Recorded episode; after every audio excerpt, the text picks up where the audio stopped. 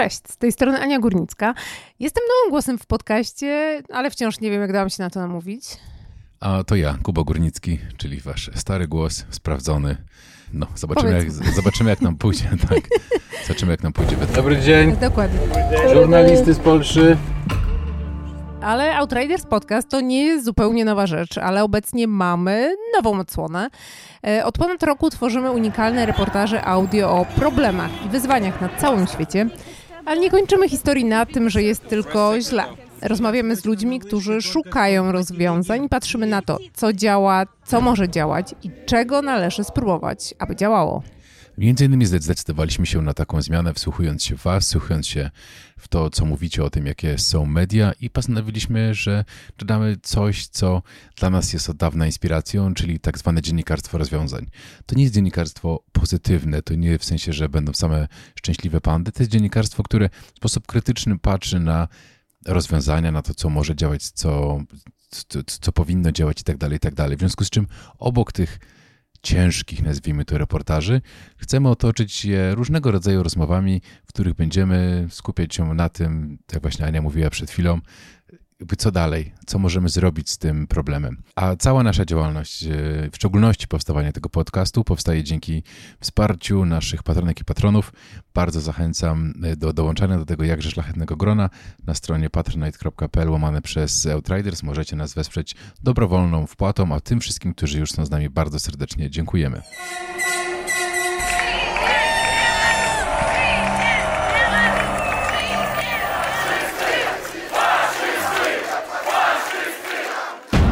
Dzisiaj porozmawiamy o Białorusi, powspominamy, co wydarzyło się prawie 3 lata temu, kiedy rozpoczęły się tam masowe protesty.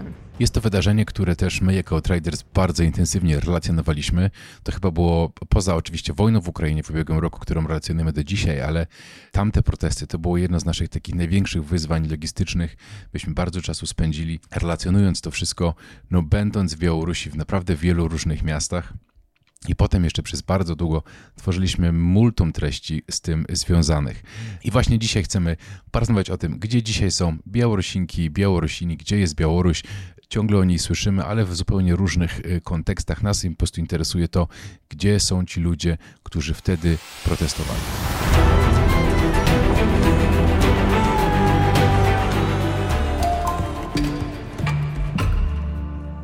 Dzisiaj przenosimy się przynajmniej wspomnieniami do Białorusi, gdyż prawie trzy lata temu rozpoczęły się tam masowe protesty.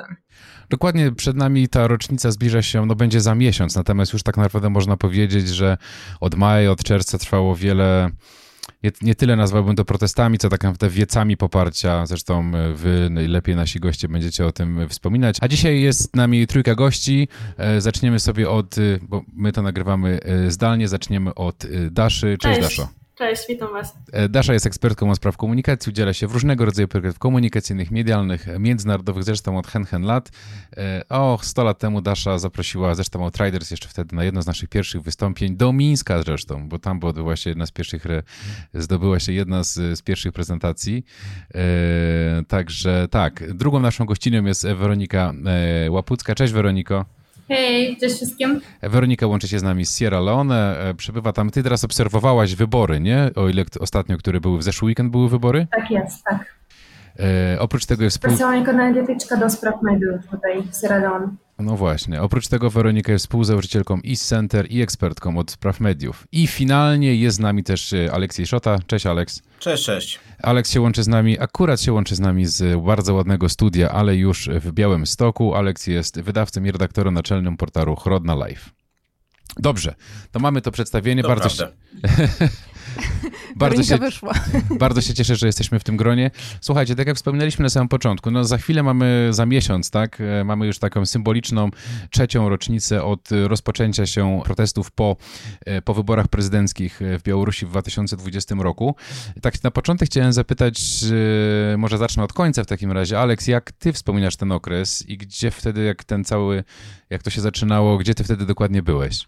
Ja bardzo dobrze wspominam, bo nareszcie była normalna dziennikarska praca. Wiesz, można było pisać nie o jakichś kotach, które na drzewie siedzą i strażacy mogą zdjąć, albo jakieś takie jeszcze, jeszcze du, du, duperele o dołączeniu gorącej wody na osiedlu, tylko była normalna, normalne dziennikarstwo. Reporterzy nasi wspominają to pięknie. My byliśmy w Grodnie wtedy, w samym centrum. Pamiętasz przecież, przy więzieniu mieliśmy biuro, co było bardzo wygodne, bo jakby nas aresztowali, to nie trzeba by było wozić tym samochodem więziennym, tylko pieszo można byłoby iść do celi. No i nasi, nasi, nasi ludzie latali po mieście, wieczorami robili zdjęcia, nagrywali, więc wspominam dobrze. No to fajnie, że to wspominasz dobrze. Nawet nie było tak niebezpiecznie, bo ja bym, ja bym powiedział. No bo maksymalnie można, no to pobiją ciebie, nie, ale... No i pamiętam, jak się spotkaliśmy, już nie pamiętam, który to był tam dzień protestów, ale wydaje mi się, że drugi tydzień, kiedy, kiedy y, w Grodnie byłem, nie wiem, tam parę dni byliśmy, to, to pamiętam, że oprowadzałeś mnie, również pokazując te różnego rodzaju więzienia. Też pamiętam, że akurat był jakaś policja, czy nie policja, tylko e, mieliście jakąś wizytację służb na dole przy tym waszym biurze, ale nie pamiętam, czy to chodziło konkretnie o was, czy o jeden z tych obok, bo tam to dużo było tych różnego rodzaju sklepików, czy jakichś takich e, punktów e, aktywizujących się. A ty, Daszo, kiedy myślisz o 2020 roku, to co, co ci najbardziej staje przed oczyma? Wow, e, dobre pytanie. Ja, e, ja pamiętam piękne miasto rodzinne, Mińsk, e, takie pełnej wiary, wiary w siebie. Pamiętam, że było bardzo gorąco, w ogóle było dość gorące lato. Dużo uśmiechów na twarzach, dużo otwartości. E, takie, takie bardzo inspirujące uczucie, wyniecające, ponieważ e, rzeczywiście chciało się być tam i chciało się żyć i chciało się być wśród swoich. I wręcz takie było poczucie, że wreszcie miasto do nas należy, jakby przyszłość tego miasta i tego kraju nam należy, do nas należy. No wszyscy wiemy, że nie wszystko się potoczyło tak, jak miało się potoczyć i tak naprawdę ja próbowałem cię znaleźć jakieś różnego rodzaju szacunki, jeśli chodzi o później o tą migrację, która nastąpiła z Białorusi, kiedy to wszystko się zakończyło, bo to jest od no, od 2000 do pół miliona tak naprawdę. Nie wiem, czy wy znacie jakieś inne dane, bo to są takie różnego rodzaju oficjalne, ale no to też jest dosyć duży rozstrzał tak naprawdę. Weroniko, bo ty jesteś w trochę wcześniejszej migracji, że tak powiem, e, nie? Bo ty w, w Polsce mieszkasz troszeczkę dłużej. E, ja nawet nie pamiętam dokładnie kiedy, to już z 10 lat będzie, więcej? 15. 15. To które to były protesty? Czy ty przyjechałeś? Nie, 14. 14, 14, tak. 14, czyli 2009. 2009. No ale jednak też jesteś osobą jakby mocno zaangażowaną w różnego rodzaju rzeczy, więc też jeszcze chciałem się ciebie zapytać o ten twój taki, o twój no, pogląd na, na tamten okres, tych, tych paru miesięcy tak naprawdę, kiedy te wszystkie, wszystkie protesty trwały. Tak, ja pamiętam ten okres, bo to były takie moje e, trzecie wybory, które mm, odbywały się, kiedy mnie nie było w, znaczy tak aktywnie w Białorusi. Z drugiej strony ja od 2012 roku pracowałam na wszystkich wyborach z OBWE. I to były pierwsze wybory, do Białorusi wracałam i to były pierwsze wybory, kiedy OBWE nie zaproszono. Władze to zrobili jakby specjalnie, bardzo opóźnili się zaproszeniem, więc ja już wtedy się tak czułam, że coś jest na rzeczy, coś będzie niefajnego, ale też robiłam bardzo dużo jednocześnie projektów. I nas to byłam w, jakby zanurzona w te sprawy białoruskie, ponieważ robiliśmy taki duży projekt, obserwowaliśmy media społecznościowe, pod względu właśnie wyborów i obserwowaliśmy te wszystkie trendy, co się dzieje i kanały Telegram i Facebook i wszystko. I widzieliśmy oczywiście takie niewidziane wcześniej po prostu taką burzę emocji, burzę ludzi, aktywność e, też nie widziano nigdy jeszcze wcześniej i oczywiście powiem szczerze, byłam bardzo zazdrosna tym, kto tam był, bo ja nie byłam, bo ja niestety już w tym momencie moi koledzy, wszyscy, z którymi pracowaliśmy, oni wszyscy wyjechali z Białorusi jeszcze w maju i widzieliśmy, że nie możemy wracać, dopóki nie skończą się wybory, my musimy zobaczyć, co będzie się działo. Także byliśmy zazdrośni, że nie możemy aktywnie uczestniczyć w tym wszystkim, wychodzić na protesty, wspierać ludzi, którzy są w więzieniach, którzy są zatrzymywani i tak dalej. I bardzo to przeżywaliśmy. I moim zdaniem czasami przeżywaliśmy to jeszcze, mieliśmy taką dodatkową traumę, bo mieliśmy poczucie winy, że nie jesteśmy tam i nie możemy pomagać naszym znajomym, i nieznajomym, którzy, którzy strasznie cierpieli. Już jeszcze potem, pierwszy, jak zaczęły się zatrzymywania i tak dalej. Także to były takie też bardzo, bardzo ciężkie, pamiętam, miesiące. Pamiętam, że w ciągu, nie wiem, tygodnia schudłam chyba o 5 kilo. w ogóle nie jadłam, tylko pisałam, pracowałam i naprawdę mm, to było takie uczucie no, straszne, niepokojące, przeżywające i strasznie przeżywaliśmy, będąc nie w Białorusi, patrząc na to, co się dzieje. No właśnie, ale jednak jak sobie to wspominając, to to mm, no mimo wszystko trwało to dosyć długo, bo jakbyśmy, no jedno to jest ta powiedzmy data stricte wyborów, ale no jednak e, no gdzieś to zaczynało się już pod koniec maja tak naprawdę, nie? No tam było y, za, za, zatrzymanie Cichanowskiego, potem było to, to jakby to sformowanie trio, potem zaczęły Nawet się... w kwietniu, no, Tak. bo w kwietniu zaczęła się kampania wyborcza i pamiętam, że już zaczęły się te, te jakby e, spotkania z kandydatami i tak dalej i zbiór e, podpisów. No i potem to trio się zrodziło, nie? I zaczęły się tak naprawdę te, no te wiece wyborcze, byśmy to jeszcze wtedy nazwali, no bo one nie były w żaden sposób jakiś taki większy tłumione, one odbywały się nawet, można powiedzieć, całkiem normalnie i tam pamiętam coraz więcej ludzi się e, na nich gromadziło, no i one nie tylko były w Mińsku, ale były na, w naprawdę wielu miastach. Zresztą chyba Aleks jeszcze wtedy, e, twój zespół pomagał nam zdobyć zdjęcia z, e, Boże, nie tylko z Grodna, ale z, i z Brześcia i z jakichś takich innych miejscowości.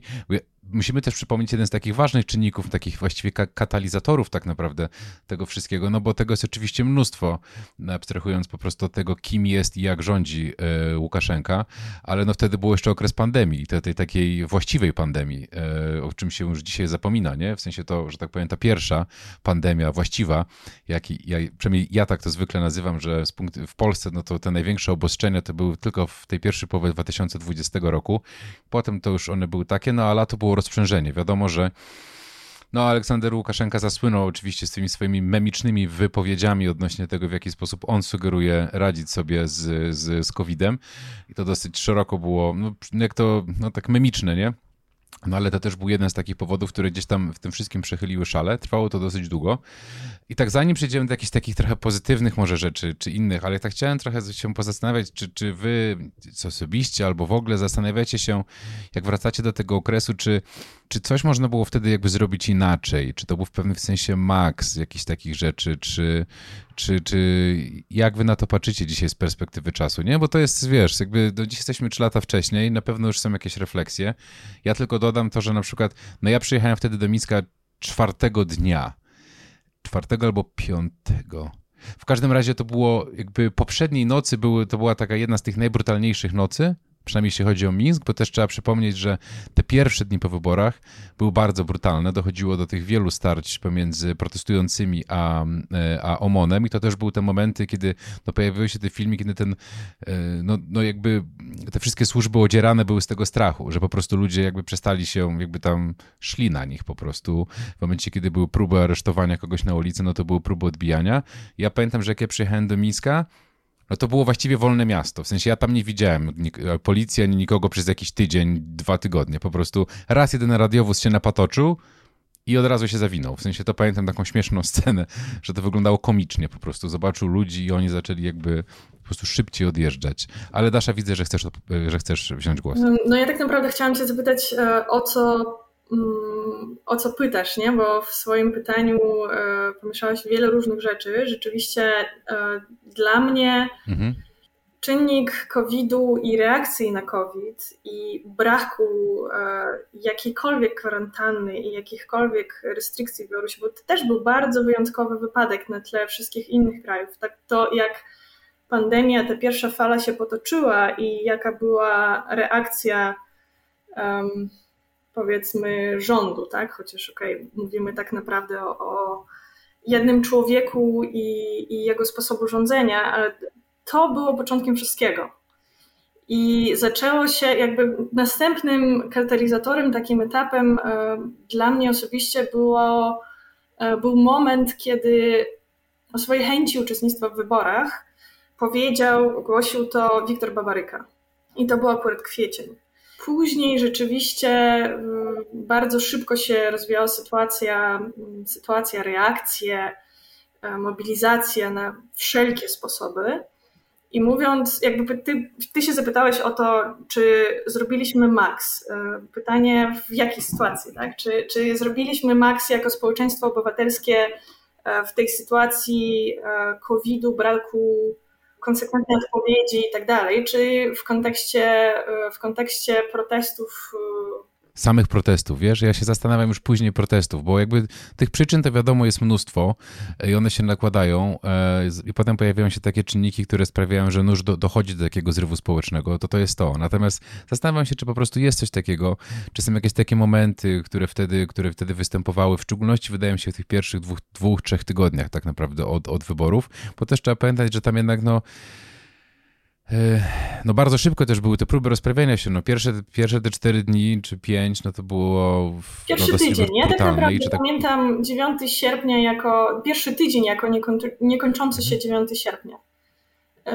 Cały Mińsk przynajmniej żył w takim trybie po prostu tygodnia, który niby się tak jakby rozmazał pomiędzy 9 sierpnia a nie wiem, czy to już był pierwszy marsz, czy tak sobie teraz nie przypomnę dokładnie czy z, oczywiście patrząc wstecz zawsze, zawsze chce się powiedzieć, że nie, no tutaj i tu i tam można było zrobić inaczej, można było zrobić jakoś, zareagować jakoś inaczej, zrobić mhm. lepiej, e, zmobilizować więcej ludzi. Ale tak naprawdę to jest zawsze zbieg okoliczności wielu czynników. Nie na wszystkie te czynniki mamy wpływ i moim zdaniem um, wszystko, co się zadziało, to było naprawdę na, na wysokim poziomie. To było naprawdę rodzenie się narodu. Takie dla mnie przeżywanie tego czasu, tego pierwszego tygodnia, parę tygodni, to było takim świadectwem, że oha, okej, okay, tutaj wreszcie obudził się naród i w końcu następuje jakaś bardzo poważna zmiana i ta zmiana będzie trwała, będzie się przekształcała w ciągu wielu lat i to widzimy już teraz, e, ale analizując to, jak ludzie reagowali zarówno za czasów e, jeszcze pandemii, tej pierwszej fali, czyli wiosną, jak i latem w odpowiedź na areszty kandydatów Cichanowskiego, Babaryki i innych. E, I dalej podczas e, protestów sierpnia, września, października, aż do zabójstwa Romana Bandarynki, to wszystko było, no, ja bym powiedziała, na bardzo wysokim poziomie takiej solidarności, odpowiedzialności społecznej, odpowiedzialności, rozumienia, że to jest odpowiedzialność za naszą przyszłość i przykładania się po prostu na maksa, żeby ta lepsza przyszłość jakoś zaistniała w końcu. Mhm. A jak długo ty byłaś w Mińsku? Do kiedy byłaś w Mińsku? To jest dobre pytanie, bo mój, moja historia jest nieco, nieco inna, że tak powiem, mniej klasyczna. Ja byłam do końca 20 roku na pewno. Później e, wyjeżdżałam wielokrotnie, ale na krótki okres czasu, zanim się przeprowadziłam do innego kraju z przyczyn absolutnie osobistych. I wracałam do. Wracałam na Białoruś jeszcze kilkakrotnie w ciągu tego czasu.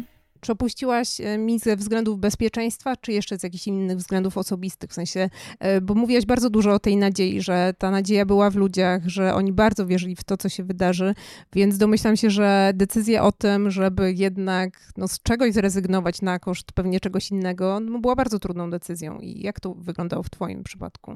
Oczywiście, ale w którymś momencie było to zrozumiałe, że yy, no, są dwie opcje. Albo zostać i zamknąć ryj, za przeproszeniem tak e, szczerze powiem, i e,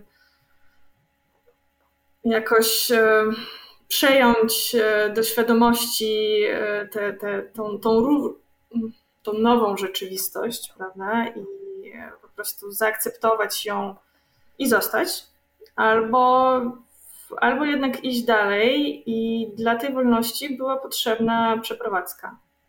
Jakoś tak.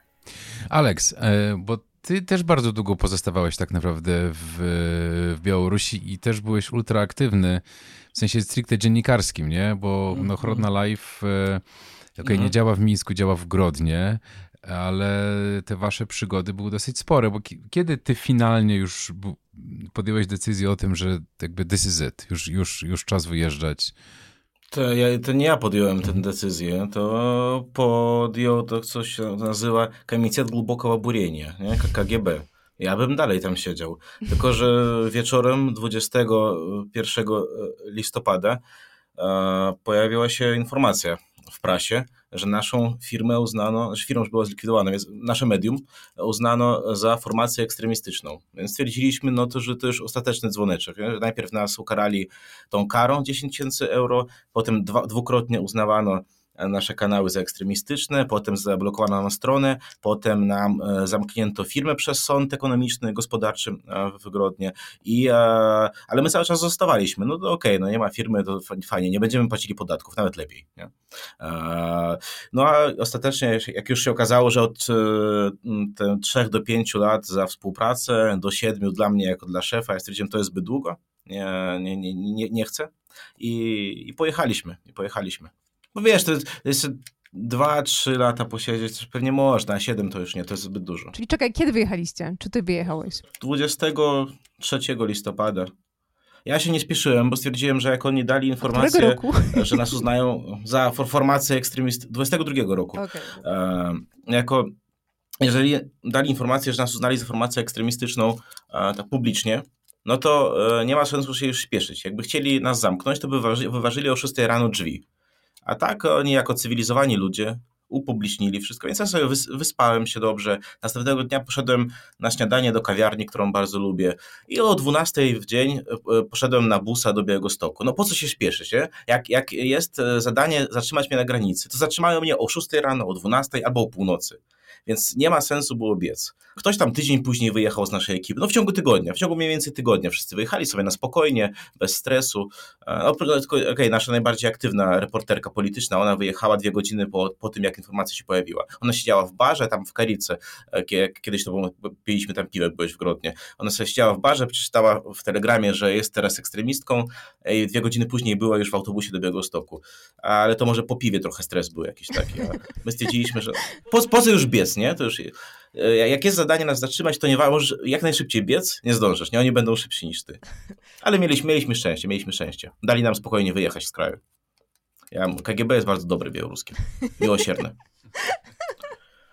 Mimo wszystko ten proces trochę jednak trwał tak naprawdę, no bo listopad, to jednak mówisz o listopadzie ubiegłego roku, no czyli tak naprawdę ponad dwa lata i parę miesięcy od momentu, kiedy... No ja jestem w szoku, że w ogóle nam dali tyle czasu, żebyśmy mogli pracować a na różne sposoby tam próbowano nam powiedzieć, że nie trzeba, nie? I przeszukiwania te w biurze i skonfiskowano technikę, potem zwrócono i mnie na ulicy zatrzymano, tam porwano do takiego fajnego białego busa, znaczy napakowani goście na sportowo ubrani. Różne były przygody, ale zawsze się kończyły dobrze. Zawsze się kończyły tym, że sobie poszliśmy wieczorem na piwo, jest, jest okej. Okay. Dzień przeżyliśmy, e, tydzień przeżyliśmy, miesiąc przeżyliśmy, rok przeżyliśmy, już jest okej. Okay. Czego jeszcze trzeba? Czego chce zwykły, prosty Białorusin? Przeżyć. Nie, no jasne, bo ja się, wiecie, nad, nad czym się tak zastanawiam, co też gdzieś tam sprokurowało dzisiejsze to nasze nagranie, bo ja ja miałem taką w ogóle prywatnie po raz pierwszy byłem w Białorusi w 2008 roku bodajże e, i potem wróciłem w dwa, Jezu, może wcześniej, w 2007. E, a potem wróciłem w 2017 e, i jakoś tak się złożyło, że 18, potem... 18, bo wtedy chyba się zapoznaliśmy, czy nie? Nie, ja wróciłem w 17 po raz pierwszy i potem faktycznie było tak, że w ogóle w Mińsku odbywało się bardzo dużo rzeczy. Sam, sami jako Outriders organizowaliśmy przecież wydarzenia dla dziennikarzy w 2019 roku, czyli rok przed protestami. E, w, jeszcze w siedzibie e, w presklubu, ale no tych, tych eventów, no sama ty Weronika, przynajmniej pamiętam, pomagałaś współorganizować parę, no jakieś to były różne takie, nie tylko właśnie takie dziennikarskie, ale jakieś, e, nie wiem, takie NGO-sowe, technologiczne i tak dalej, w związku z czym tego się trochę działo. Ja tutaj pamiętam, jak Dasza mnie kiedyś oprowadziła po Mińsku, to też zupełnie in, inny Mińsk mi przedstawiła. Pamiętam tą taką, to miejsce, w którym odbywał się taki jakiś festiwal brazylijski, czy coś takiego, takiego, e, gdzieś, gdzieś mnie tam e, e, zabrałaś, więc to jakby zupełnie, zupełnie inny ten Mińsk, bo jednak trzeba przyznać, że no, trochę ta tkanka społeczna też ona się, ona się, ją się trudno buduje. To jest jedno z największych wyzwań, bo mosty i tam drogi to można w sumie, jak są pieniądze i jest wola polityczna, to można szybko ogarnąć. Natomiast tkankę społeczną taką, no to buduje się bardzo długo i ja zawsze miałem takie poczucie, że no i ona też aktywnie protestowała wtedy i też chciała tej zmiany, no bo ona się gdzieś tam wytworzyła. I teraz, no, no co by nie mówić, no Białoruś od lat 90. jednak miała palę fal migracyjnych często powiązanych z jakimś takim pokoleniowymi zmianami, nie? W sensie, że dochodziło do jakiegoś takiego przesilenia politycznego i jakaś taka grupa, no po prostu ta grupa, dla której to był ten moment trochę, ona jakby gdzieś, gdzieś tam się rozjeżdżała, plus oczywiście pojawiały się represje bardzo, e, różnego rodzaju bardzo silne, więc chcieliśmy tak wyjść do tego, jak to się teraz układa, no bo Białoruś też no, nie ma tego co ukrywać, za sprawą rosyjskiej inwazji zeszła na, na dalszy plan, jeżeli chodzi o uwagę medialną, stąd też my chcieliśmy go trochę tak zastanowić się po prostu, gdzie waszym zdaniem teraz jakby to wszystko jest, czy z tych wielu inicjatyw, które się wtedy udało gdzieś wytworzyć, co z nich pozostało? No wiem, że wiele, bardzo dużo mediów jest oczywiście na na wygnaniu, tak można powiedzieć, Excel Media, jakbym tak tłumaczył z, z, wprost z angielskiego. No, my to, my to mówimy zawsze in, in, in exile. Mhm. My to mówimy in exile wszędzie. Więc jesteście jakby na, na, na takim tak wygnaniu. E, ja się zastanawiam po prostu, jak, jak wy się na to zapatrujecie, w sensie jakby co, co, co, jakby co dalej, w sensie gdzie, co z tej tkanki udało się zachować? Ale zachować gdzie? Na Białorusi, czy w, w ogóle, w sensie, wiesz, czy, czy, co zostało może w Białorusi, czy, czy cokolwiek jeszcze no. takich inicjatyw zostało? Nie, bo, bo w kraju, w kraju jestem słabo. Wiesz, jak sobie śledzisz, to widzisz, że likwidują wszystko, nie? Klub żeglarski, jakieś tam e, zjednoczenie społeczne, które opiekowało się weteranami wojny, nieważne, nie? Likwidują wszystkie NGOsy, nawet takie powiedzmy formalnie przyjazne władze czasami, bo, bo są nie, to jakieś niezależne organizacje, tak? jakieś nie, nie, nie założone przez państwo. My, my śledzimy to co tydzień, likwidację organizacji czy firm w sądzie, w Grodnie, w sądzie gospodarczym. E, naprawdę są czasami bardzo fajne rzeczy. A jakieś, no śmieszne, nie? Jakieś tam kursy pływania zlikwidowane, bo były niepaństwowe, e, jakieś kosmiczne rzeczy są. Ale dużo inicjatyw e, działa teraz za granicą. Też wielu ludzi wyjechało, jakieś takie najbardziej znane potężne, z długą historią organizacje, jakiś tam Ekodom, nie, Białoruskie Rzeszenie Dziennikarzy, tenże Press Club, co, cokolwiek. E, to w jakiejś tam formie istnieje gdzieś, gdzieś za granicami. Tak samo jak media też. Niektóre media się zamknęły, ale większość to wyjechała i kontynuuje swoją działalność za granicą, nawet po, powiem tak, że jest teraz więcej mediów, że pojawiają się nowe cały czas jakieś. Ile ktoś tam odchodzi i robi swoje medium. Pojawiają się media w ogóle dla Białorusinów właśnie na wygnaniu, które tylko i wyłącznie piszą o zagranicy. Są teraz media, które nie interesują się tym, co się dzieje w kraju. Ich e, odbiorcy to tylko ci, co wyjechali, bo jednak te kilkaset tysięcy pewnie jest. Więc dalej jakoś to żyje. Ale w jaki sposób buduje się Wiesz, media... jak to kiedyś słyszałem, tylko powiem taką, taką, taką rzecz, że jak u nas się mówi, nie, tam, żywie Białoruś, nie, to ja taką zawsze odpowiedź mam, no ale co to za życie? Dobra odpowiedź. E, ja chciałam cię jeszcze zapytać, jak się buduje media białoruskie, nie będąc na miejscu? W sensie, z jakimi problemami się spotykasz? Bo myślę tutaj o medium, które chciałoby jeszcze dotrzeć do osób, które mieszkają w Białorusi. Nie chodzi właśnie o osoby, które wyjechały, o tę grupę docelową, która jest tutaj, czy w innym po prostu kraju. E, no, spotykamy się ze wszystkimi możliwymi problemami. E, po pierwsze, kwestia finansowa. Jednak teraz nie ma możliwości jakoś zarabiania na siebie, więc wyłącznie jesteśmy zdani na e, łaskę e, grantodawców, partnerów, sponsorów, a powiedzmy ten, jak się po, po angielsku pie, nie? co się rozcina. E, ciasto. Nie? Ciasto nie, nie robi się większe a tych, którzy chcą sobie kawałek odciąć tego ciasta jest więcej. To jest, to jest fakt. Po drugie, jednak życie tu, tu w Europie, nawet w takim białym stoku, no jest droższe. Jest po prostu, jest po prostu drogo. I robi się coraz droższe każdego dnia a budżety e, mamy takie same, jak mieliśmy budżety, kiedy mieszkaliśmy na Białorusi, gdzie jest tanio. I to są takie podstawowe, jakieś bytowe rzeczy. No? Poza tym w mediach jest duży problem z tym, żeby znaleźć nowych ludzi. Myśmy się ostatnich lat stracili e, wielu autorów, którzy z różnych powodów, ktoś, ktoś został na Białorusi, w ogóle nie pracuje już dawno w dziennikarstwie, bo to jest zbyt niebezpieczne.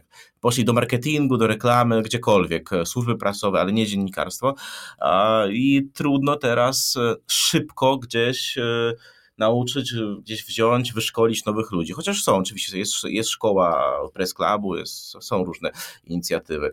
No ale najważniejsze jest to, e, takie największe dwa problemy, to jest z jednej strony dotrzeć do odbiorców, jeżeli jesteśmy zablokowani, więc e, zostali nam tylko tacy nasi czytelnicy, słuchacze, którzy no, to się nazywa core audience, nie? albo brand lovers, ci, którzy zawsze nas czytają, a jak ktoś, świetnie wychodzimy w Google wyszukiwarce albo Google Discover na pierwszych miejscach, tylko co z tego, jak ktoś klika i trafia na stronę zablokowaną przez Ministerstwo Informacji.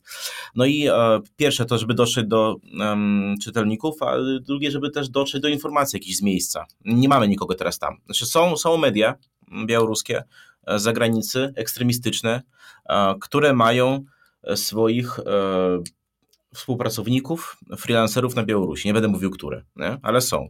My stwierdziliśmy, że nie, bo ja nie chcę odpowiadać za to, że ktoś się, trafi do więzienia na 5 lat. To jakby dla mnie taki wybór jest zbyt trudny. Lepiej nie będziemy tam mieli nikogo, ale też nikogo nie będziemy narażać. Jasne. Więc to, to jest duży problem, żeby sprawdzić jakąś banalną informację, nie? Czy tam spiłowali drzewo, czy nie spiłowali drzewo. Tak, fact-checking taki prosty. E, Weronika, widzę, że chcesz coś tutaj dodać. Tak, ja chciałabym Aniu wrócić do pytania, które zadał bardzo ważne moim zdaniem Kuba, mm, o tym co dalej, w ogóle jak to funkcjonuje, co z tym wszystkim robić. Mm, ja cały czas, bo ja też mieszkam troszeczkę dłużej tak za granicą i staram się jednak w tym wszystkim widzieć jakieś pozytywne rzeczy. Po pierwsze, to, że teraz tyle Białorusinów się okazało w nowej rzeczywistości, ale mają takie jakby stabilne centra działalności, to jest moim zdaniem Wilno, Warszawa i troszeczkę w mniejszym stopniu Tbilisi, to też pokazuje, że jakby te jakby warstwy, tak, tkanka społeczna, której też wspomniał Kuba, że ona jakoś tam troszeczkę się przemieściła geograficznie, ale z tego co widzę, to jednak e, takie jakby centra, jądra tego pozostają. I widzę, jak e, na przykład z mojej perspektywy Warszawa się zmieniła, tak, że oczywiście, że tam teraz nawet, nie wiem, mieszkają jakieś tam koleżanki, których nie widziałam faktycznie tam od 15 lat. I nawet one już się przeprowadziły do Warszawy. I to jest jakby z jednej strony smutne, że tyle fajnych ludzi wyjechało z Białorusi, z drugiej strony to jest dobre, że jakby wszyscy cały czas starają się trzymać razem. Um, te centra istnieją, jest jakieś koordynacja między sobą, mówię teraz o Wilnie, Warszawie, Tbilisi, ale Oczywiście, jeżeli badać tak, takie jakby ruchy migracyjne, to wiemy, że nie wszyscy wrócą, no jak będą zmiany i im dłużej ten proces się zatrzymuje, czy możliwości e, powrotu, tym mniej ludzi będzie chciało, będzie mogło wrócić, tak, bo ludzie mają dzieci, dzieci dorastają, szkoły i tak dalej, znaczy zakładają jakieś swoje biznesy i tak dalej, nie chcą im się wracać, ale staram się tutaj myśleć pozytywnie i tutaj moim zdaniem jest dobrym przykładem akurat Polska dla mnie i cały czas myślę o tym stanie wojennym, o Solidarności, o tym, jak bardzo dużo Polaków tak po 81 wyjechało, ale potem jednak bardzo dużo też wróciło i też działały te jakby takie centra migracji w Paryżu, w Berlinie, w Londynie, to wszystko było. Nie wszyscy wrócili wiadomo, ale ktoś tam wrócił i jakby w Polsce oczywiście mamy, mamy jakieś tam swoje problemy, ale coś z tego jakby jednak wynikło. No i to jest taka nadzieja, która cały czas jakoś we mnie żyje. A drugą rzecz jest to, że widzę, że mimo wszystko Białorusini jednak cały czas myślą o swoim kraju i czuję to żądanie jakby ono jest, żeby wrócić kiedyś. Nawet wiem, że ludzie są gotowi wrócić, nie wiem, po pięciu latach, po, po dziesięciu na pewno ktoś będzie. No najważniejsze oczywiście to to, żeby tak jak tutaj też e, Aleks wspominał, Aleksiej, e, że żeby było wsparcie, żeby była jakby tak, tak zwane powody informacyjne, tak żeby cały czas się mówiło o Białorusi, o tym, co się dzieje, no ale z drugiej strony to, jak Białorusini się nauczyli się organizowywać w 2020 roku, to im pomaga teraz na tak zwanym wygnaniu, bo te jakby mechanizmy zjednoczenia się, łączenia się, te jakby grassrooty, inicjatywy i tak dalej, to wszystko się przyniosło i teraz oni jakby nadal to ćwiczą i wykorzystują te nawyki działania mm, za granicą. No i moim zdaniem to jest jakby większa szansa, że to przeżyje i też pomaga oczywiście w tym technologia, tak, bo są sieci społecznościowe, jest internet, jest łatwiej podtrzymywać jakieś rzeczy, jakieś więzi między sobą i też jakieś projekty robić, które jakby są dostępne online. Nie, nie musisz teraz siedzieć tak w Mińsku pod tym, nie wiem, drzewem, które spada, żeby o nim pisać, tak, można to jakoś inaczej o tym informować ludzi i tak dalej. Także ja staram się myśleć e, względem. Z tego, co mówicie, wynika, że, że w tym takim źle, którym było wyjazd aż tyle ludzi, to, że aż tyle ludzi wyjechało, pozwoliło w pewnym sensie zachować wiele organizacji w dużym stopniu takim funkcjonującym tak, jak one funkcjonowały. Bo tu, Alek, wcześniej wspominałeś na przykład o tym, że wy całym zespołem wyjechaliście, nie? W sensie do tego, do tego mi chodzi, że inaczej się buduje organizacje od zera, w szczególności organizacje, organizacje takie no, społeczno-medialne, to są oparte o ludzi. Tam nie masz infrastruktury jako takiej. W związku z czym budujesz ten zespół, a wy zachowaliście cały ten zespół który dalej funkcjonuje, więc to jest, wydaje mi się, dosyć interesujące. Okej, okay, spoko, nie? zachowały się jakieś organizacje, tak, tak. ale po co one są, mhm. jak nie mają wpływu na Białoruś? Okej, okay, jeszcze tam my jako medium, ktoś tam nas czyta, nie? Mhm. Tylko, że tam kiedyś nas czytało 200, 300 tysięcy osób, teraz 50, nie? Mhm. Nieważne. A jakaś organizacja społeczna, która się zajmowała edukacją, aktywizacją ludzi starszych, seniorów, ekologią, e, nie wiem, e, jakieś kursy e, media literacy dla e, nastolatków, cokolwiek, nie? To, to, to, co można i trzeba było robić na Białorusi wewnątrz kraju. No te organizacje mogą istnieć formalnie w Batumi, Tbilisi, w Wilnie. Jaka to różnica, jak działają tylko dla tej diaspory, która wyjechała? Jak, jaki sens takiej organizacji jest? To jest bardzo dobre pytanie. Ja, to ja akurat jestem, ja jestem daleki, ja, ja, ja jestem daleki od e, jakichś pozytywnych e, tych. E, ja zawsze na wszystko w życiu swoim patrzę negatywnie, ja wszystko oceniam źle, ja czekam gorszego zawsze i zawsze, i zawsze mam rację pod tym względem. Zawsze jest gorzej a, i, i jest dlatego nigdy e, nie jestem rozczarowany. E, nie, dzisiaj dzisiaj, dzisiaj gadałem z kumplem z Grodna, który mi powiedział, że o, kiedyś był, był też dziennikarzem i e, już nie jest. I, i, I powiedział mi, że już zaczyna myśleć te trzy lata później, że być może to wszystko było nadaremne bo e, stracił wszystkich przyjaciół, wszyscy znajomi wyjechali z Grodna, nie ma tam teraz nikogo z jego znajomych, stracił trzy prace, e, które lubił i teraz jest tak maksymalnie jakimś takim dołku psychologicznym. I, i e, wiesz, no, ludziom się rodziny tam porozpadały, ktoś trafił do więzienia 20 lat, jak taki bilans policzymy wszystkiego, co się odbyło, to ja, ja tak nie myślę, ale coraz więcej spotykam ludzi, którzy myślą, że może nie warto było, nie? Że, że to, co tam uzyskaliśmy w 20 roku, to, to jest mniej warte niż to, co straciliśmy. Ja, to, ja tylko transluję myśl, nie moją, mhm. ale którą słyszę codziennie. I to nie jest tak, że to jedna osoba mówi. I to jest też popularny pogląd. Ja myślę, że możemy pociągnąć tę myśl dalej. E, Dasza, co chciałabyś powiedzieć na ten temat? Mm. Ja się zgadzam i nie zgadzam. Spróbuję e, tak to trochę podsumowując. Tak Uważam, że przepaść pomiędzy Białorusinami, czy tam Białorusią jako krajem, którą, który wciąż póki co jeszcze widzimy na mapach, e, i Białorusinami diasporą, diasporami wręcz, bo Białorusini są porozrzucani po całym świecie, oczywiście bardziej po Europie, ale też Gruzja bardzo mocno wchodzi w grę. Ta przepaść rośnie. Kraj, o którym dzisiaj rozmawiamy, w granicach jeszcze póki co istniejących, jest pod okupacją. I tkanka społeczna, o której wspomniałeś wcześniej, ona rzeczywiście e, tam została rozbita. Jej tam nie ma. Większość biznesów, e, większość aktywistów, większość e, dziennikarzy albo wyjechało, albo zaakceptowali nowe realia i próbują budować swoje życie dalej z różnych, przeróżnych powodów. Czy to oznacza, że nowa tkanka się nie wykształci? Nie.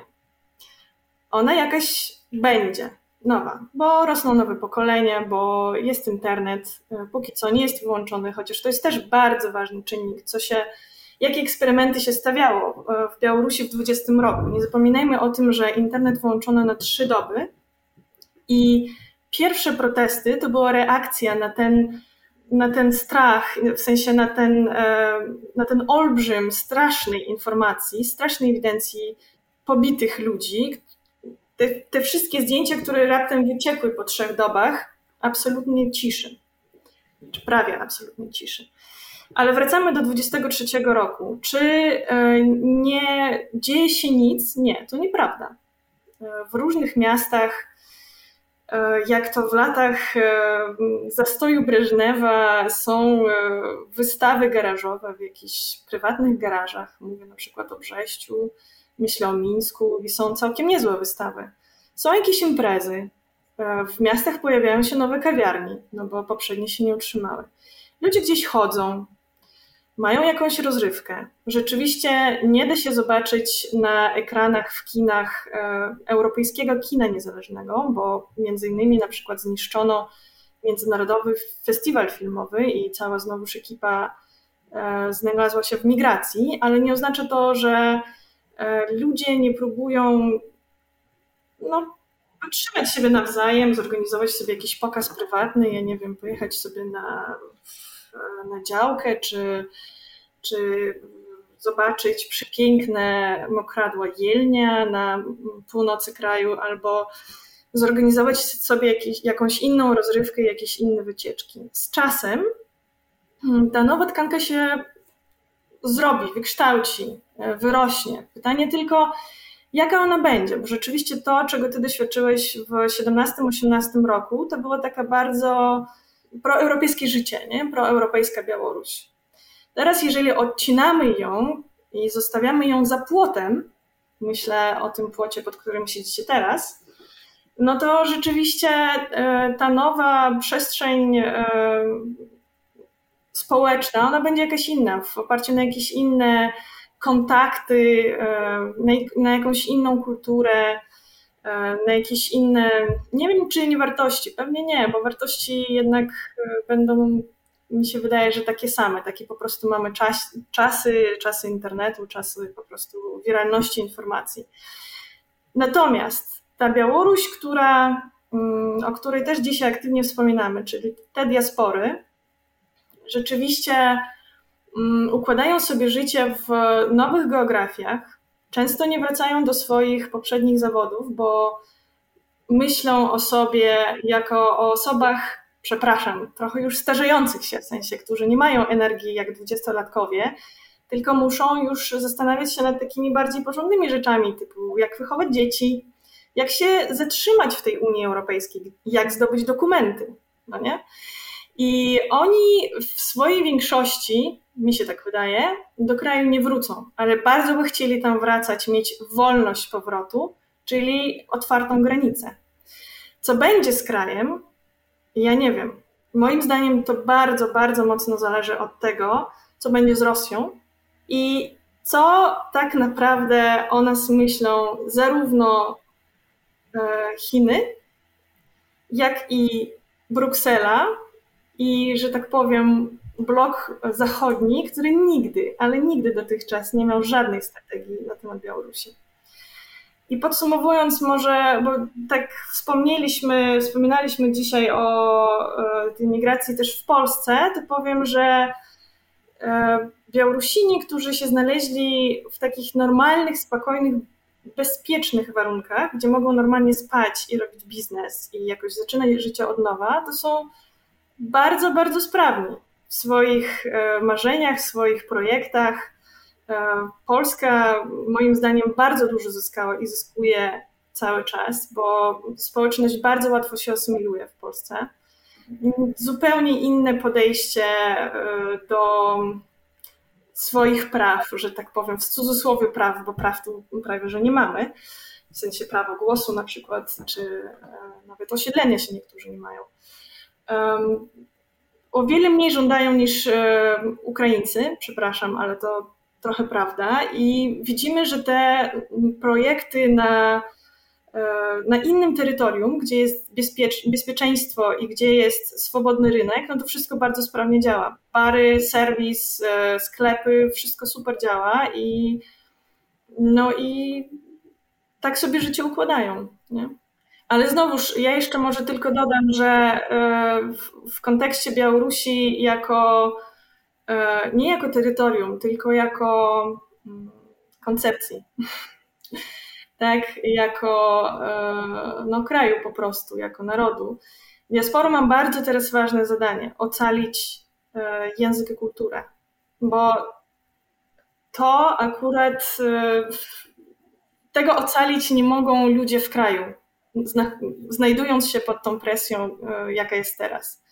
I przy warunkach, że ta presja jeszcze tylko wzrasta, że wojna dłuży się dalej, że okupacja jest e, cały czas, no to język i kultura mają bardzo, bardzo wysokie szanse na to, żeby być totalnie no, żeby zniknąć totalnie. I tutaj akurat diaspora wchodzi w, w grę i, i to jest jej rola, żeby to jakoś ocalić na bezpiecznych terytoriach. W Twojej odpowiedzi tak naprawdę teraz można by było zadać do niej 10 pytań poszczególnych dotyczących różnych kwestii.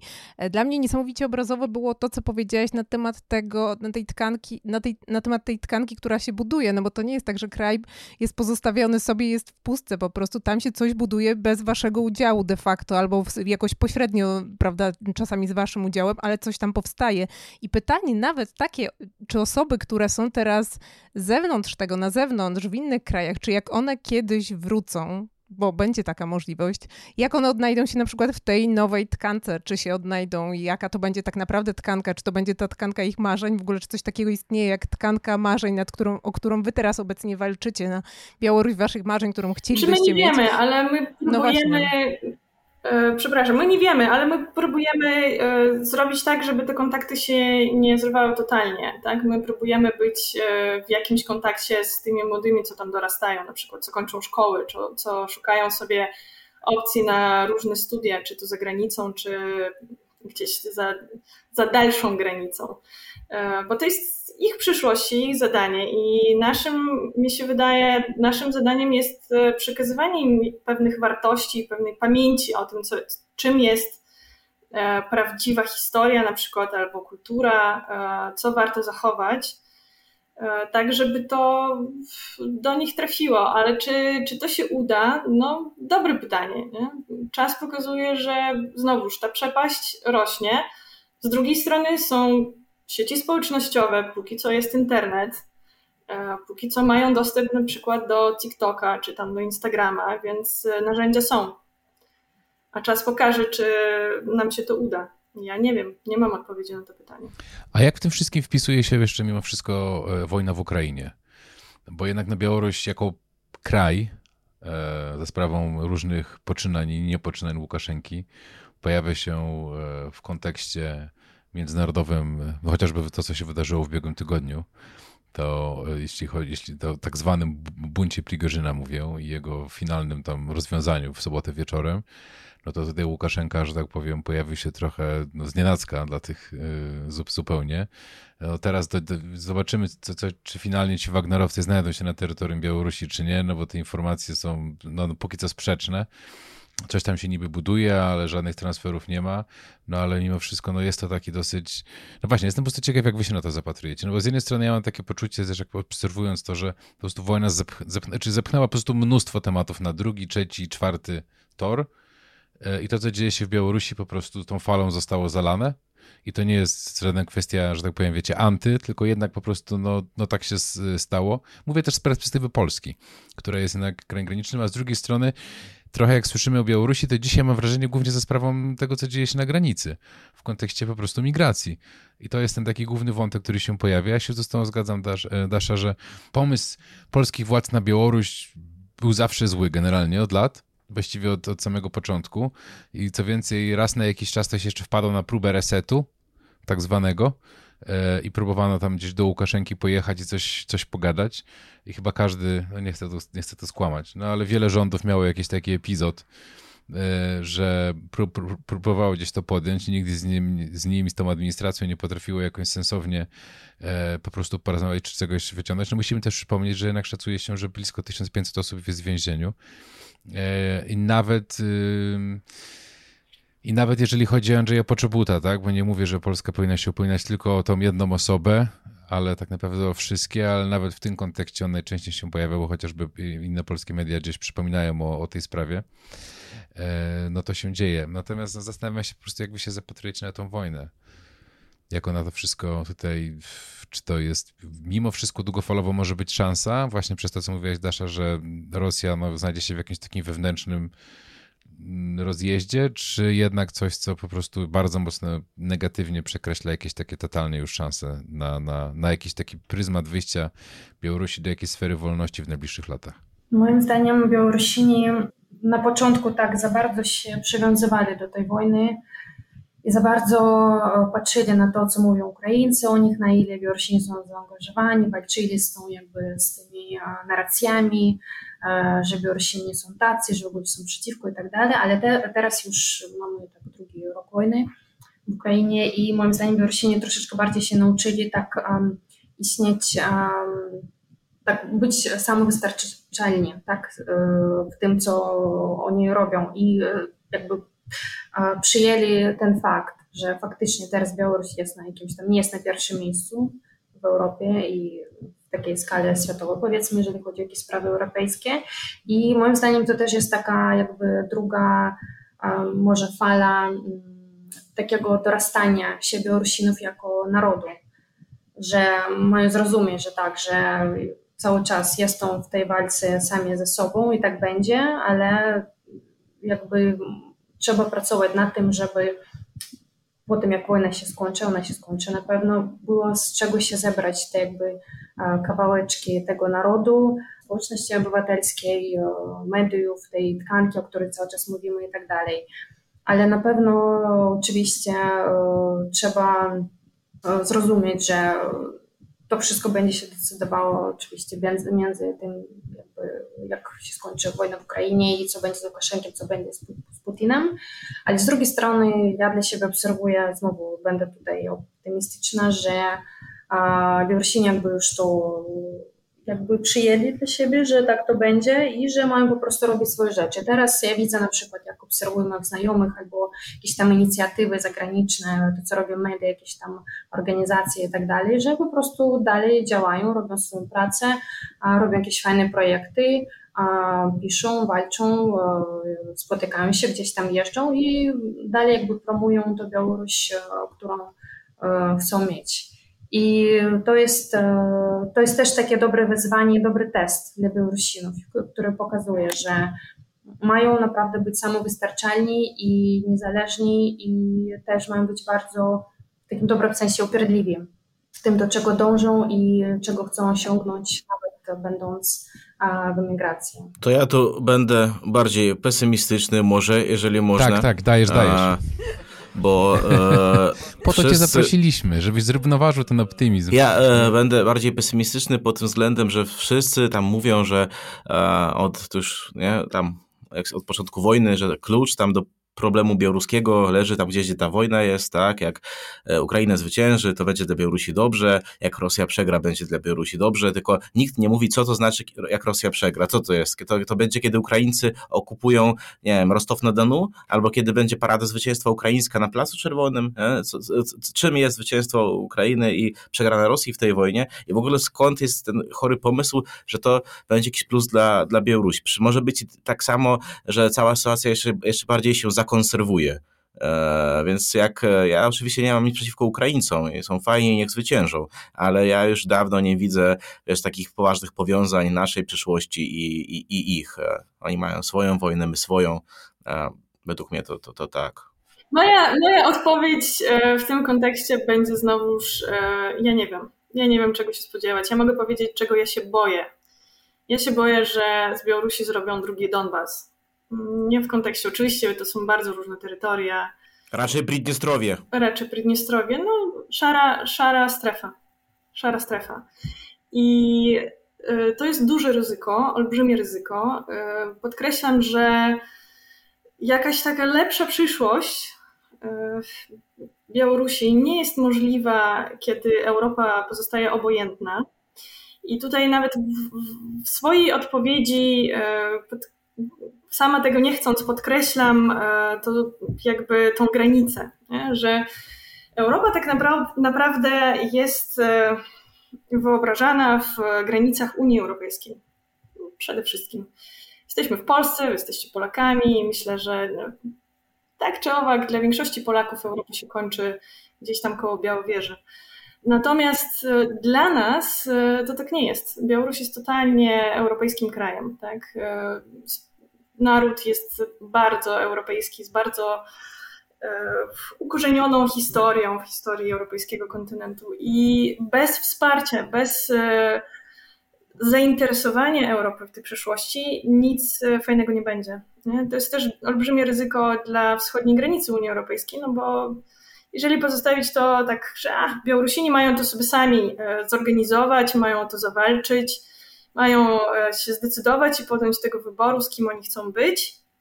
I wtedy coś tam zadziałamy. Tak nie będzie, bo kraj, mówię, jest duże ryzyko, że pozostanie tak pod okupacją jeszcze na długie lata, a dla Unii Europejskiej to będzie oznaczać przemyt, na, przemyt i niestabilną granicę na przeróżne sposoby. E, co, co do wojny w Ukrainie, no to znowuż e, szara strefa przede wszystkim przez to, że wchodzi taki Ciewka Wagner i, i sobie zasiaduje w, na terytorium całego kraju. Nic, nic fajnego, nie? Żadna transparentność, żadna jakaś funkcjonująca gospodarka nie może się rozwijać na takim terytorium, moim zdaniem. Co wyniknie z tej wojny, nie wiem, znowuż podkreślam to, jest e, taki wielki e, czynnik tego, ten nieznany czynnik, nie? co może się wydarzyć dalej. Oczywiście w największym stopniu zależy to od tego, co będzie z Moskwą slash Rosją, e, jak wojna zmieni cały nasz region i jacy po prostu będą przywódcy innych krajów dookoła, jak oni będą się zachowywać, jak będzie się zachowywał blok NATO dalej i tak dalej, i tak dalej.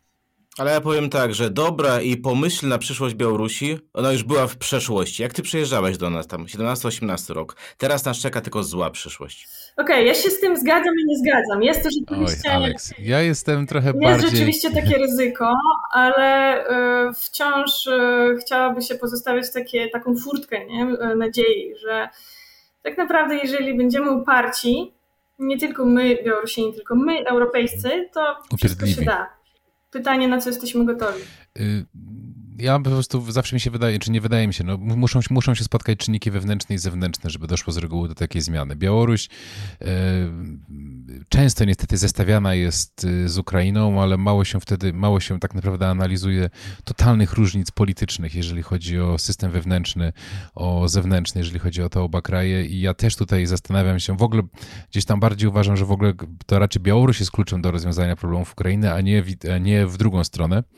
E, dotyczy to rzeczy militarnych, e, dotyczy to rzeczy po prostu układanki takiej trochę geopolitycznej e, i Białoruś jest pomijana, zresztą wiadomo, no organizacje polityczne reprezentujące powiedzmy wolnych Białorusinów, to jednak domagają się chociażby zwiększenia sankcji na, na, na Łukaszenkę, tak? czy zrównania ich do poziomu sankcji, które są nałożone na Rosję, bo wiadomo, Białoruś też wielokrotnie zyskiwała na tym, że no, no reżim Łukaszenki świetnie zarabiał na, na, na, na pomocy e, w obchodzeniu sankcji Putinowi po prostu, tak? I tak było przez wiele lat przecież i, i, i między innymi ten taki trochę boom 2017-18 też był związany z sankcjami nałożonymi na Rosję po, po Majdanie i po, e, i po zajęciu Donbasu i aneksji Krymu, więc no to też się nam nakładały te wszystkie czynniki e, po prostu ekonomiczne.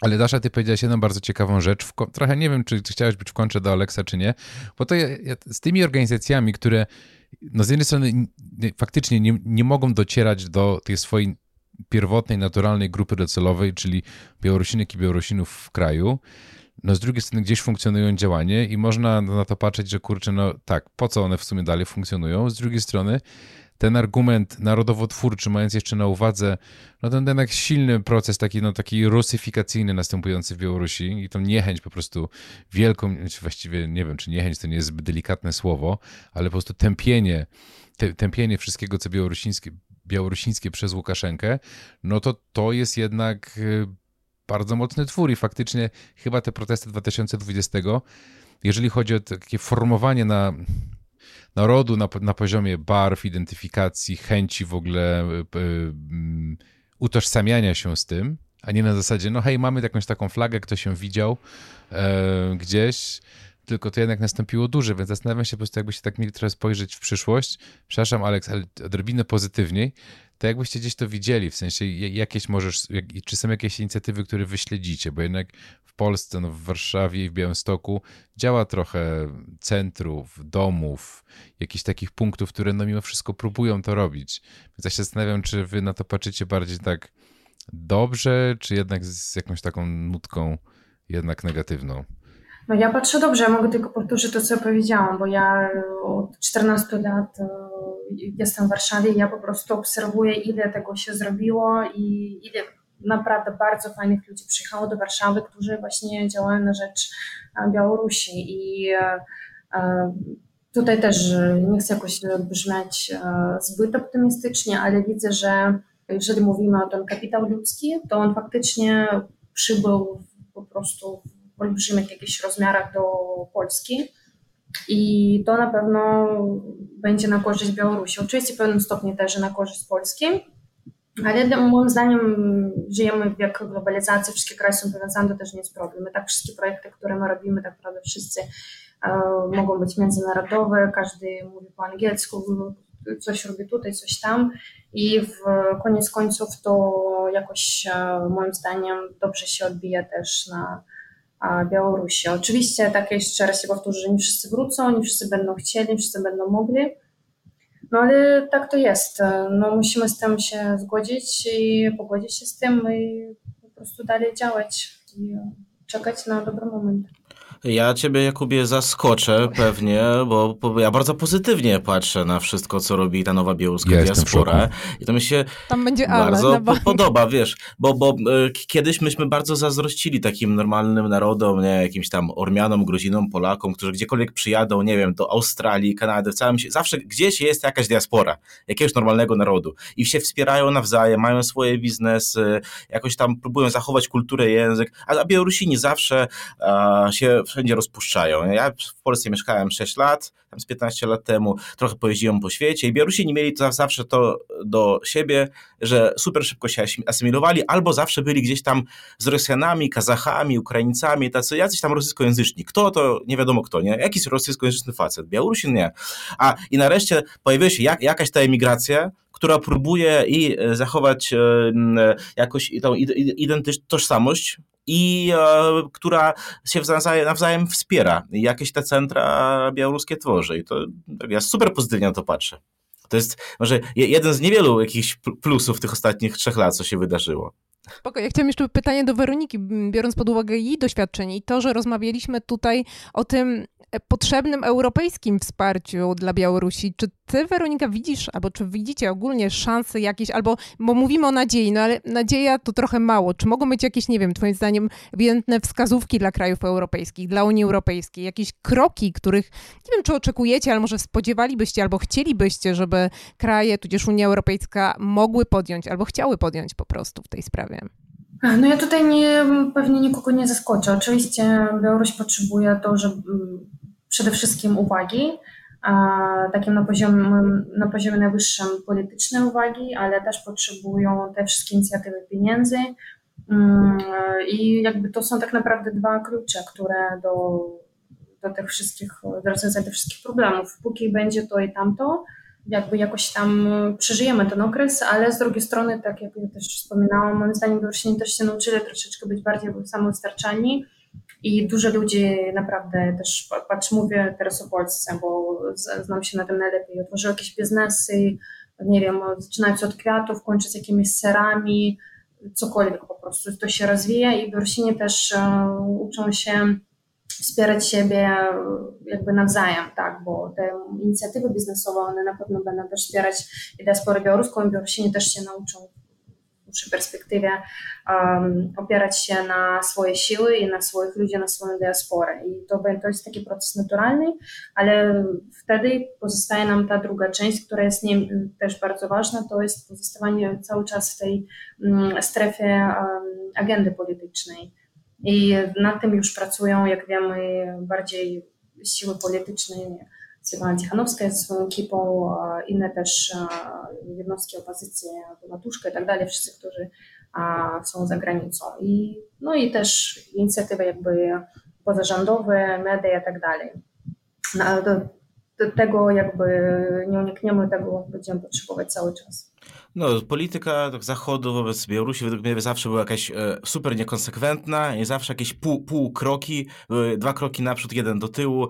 Nie wiem, ile lat ma przejść, ile tam ludzi musi tam zginąć, samolotów musi zostać e, w sposób piracki zmuszonych do e, wylądowania w Mińsku, żeby wobec kilku osób jakieś sankcje wizowe zostały wprowadzone, które takich nie obchodzą, bo te osoby mają trzy paszporty na inne nazwiska i tak pojadą gdzie chcą. Nie wiem, według mnie Unia powinna dać możliwość normalnie wizy otrzymywać Białorusinom, które teraz otrzymanie e, wizy szengeńskiej e, graniczy z jakimś cudem i to trzeba zawsze jakieś e, sposoby wymyślać, znać osobiście konsula, dzwonić do konsula osobiście, łapać go, co jest w ogóle jakieś upokarzające i nienormalne, a do dziś ogromna ilość sędziów którzy mają na sumieniu ogromną ilość więźniów politycznych, sobie, dalej nie są pod sankcjami, co jeżdżą gdzie chcą, do Luksemburgu, gdziekolwiek, gdzie by chcieli, do Milanu na zakupy. Więc e, te wszystkie listy sankcyjne są w ogóle wzięte gdzieś z kosmosu, niekonsekwentnie e, budowane to strasznie mnie wkurza. A o czymś dobrym chciałem też powiedzieć, ale już się tak nakręciłem samego siebie, że nie mogę sobie przypomnieć, co dobro. Co... A! Nie, są, są, są, są dobre rzeczy, są, to faktycznie.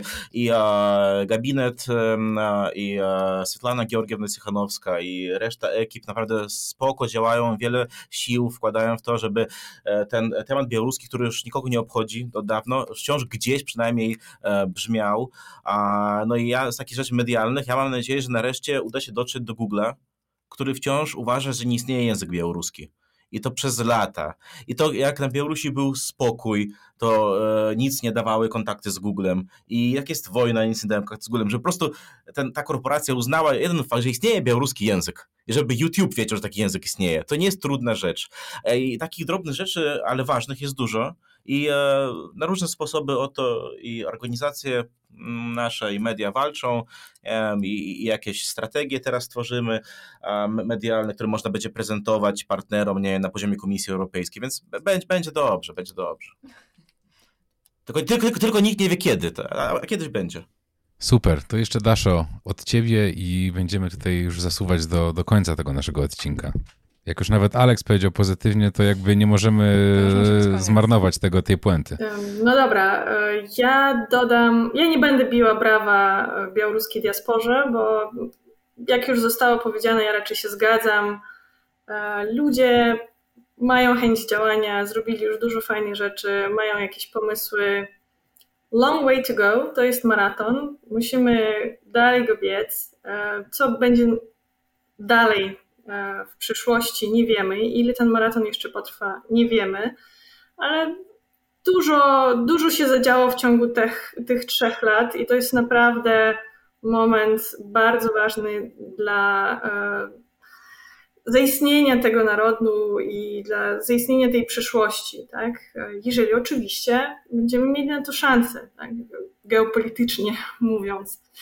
Jeżeli chodzi o to, co ma być zrobione ze strony e, no, Zjednoczonej Europy, jest dużo pomysłów. E, ja bardzo się załamałam, że tak powiem, w 20 roku i dalej.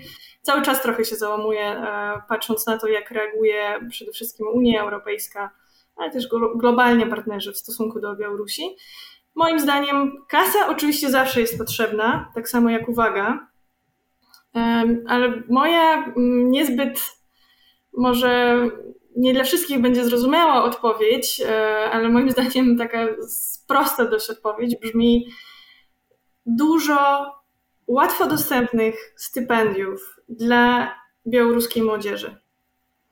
Ja przede wszystkim patrzę na tych, co teraz mają od mniej więcej 10-12 lat do lat nie wiem, 19, czyli czyli dzieci, tak naprawdę, młodzież, która dorasta, która większa część z nich na pewno pamięta wydarzenia 20 roku i jest ich świadoma, i to od nich zależy, czy i przetrwa język, czy przetrwa Białoruś i jaka ona będzie, za co y, oni będą, mam nadzieję, że nie walczyli tylko w taki sposób pokojowy, tak, się bili, żeby sobie jakąś przyszłość y, wybudować, a i też nam wszystkim, więc e, tak, jak najbardziej otwierać, otwierać wszystkie drzwi możliwe i nie zamykać granicy.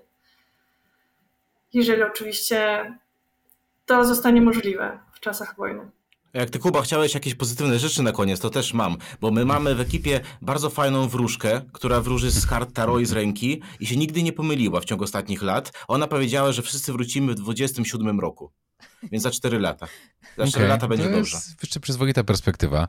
E, super, to dziękuję Ci bardzo, Alex, za jeszcze tutaj mieliśmy i me merytoryczne argumenty, ale Dasza i Weronika mówiły, że wszystkie siły na pokład, więc... Jest i- nadzieja, jest nawet wróżka, więc Jest i jakby wróżka, wiele, miks więc- różnych składników. No ja bym na koniec jeszcze, nie wiem czy to wejdzie do podcastu czy nie, ale chciałabym zachęcić e, Polskę okej, przez, przez Was, przez Outriders, e, do, e, do tego, żeby się zainteresowali trochę tą historią, bo Białoruś naprawdę, naprawdę może wiele rzeczy nauczyć e, Polaków w kontekście tego, co się może zadziać dalej jak się ciśnie na media niezależne albo na sądy. Jest bardzo, bardzo bliska i bardzo, bardzo ciekawa dla Polaków perspektywa, więc warto. Szczególnie w roku wyborczym. Dokładnie. A to Tak. ten wspaniały rok. Słuchajcie, Weronika mówi, że musi biec dalej, e, wspomagać Sierra Leone. Tak, E, Działaj. Weroniko, nie zatrzymujemy Cię. E, bardzo Wam dziękujemy. Ania tutaj już e, mówiła.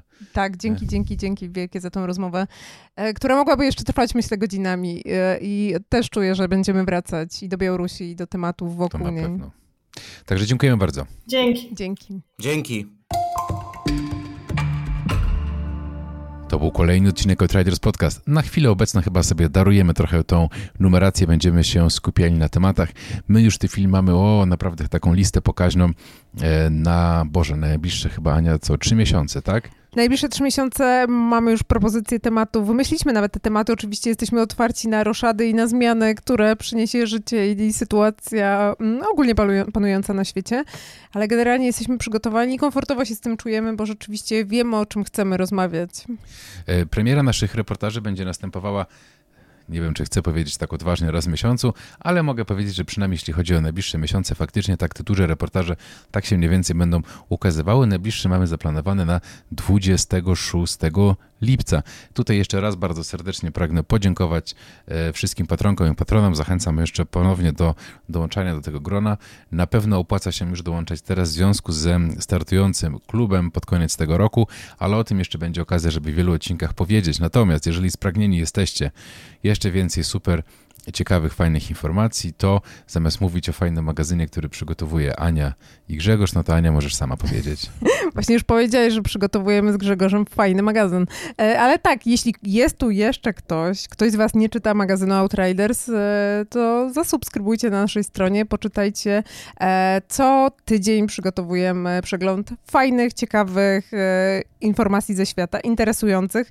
One nie są najbardziej klikalne, bo jest to najbardziej nieklikalny magazyn na świecie, przynajmniej z tych, które znamy, ale są tam ważne informacje i takie, które też dają perspektywę na to, że coś może być lepiej, coś może się zmienić, bo trwają badania, bo trwają jakieś analizy, ukazał się jakiś raport albo poznajemy jakieś rozwiązania e, na świecie, które działają.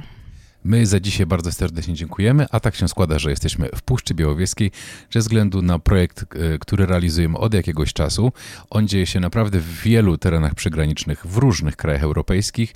No tak się złożyło, że my akurat jesteśmy tutaj, w związku z czym chcąc rozpocząć nową tradycję przypominania jednego z naszych reportaży, który już został opli- opublikowany, zostawiamy Was z początkiem do reportażu e, Puszcza, który ukazał się w roku ubiegłym, także link w opisie. Zachęcam do jego przesłuchania sobie ponownie i za dzisiaj my dziękujemy. Cześć, dziękujemy.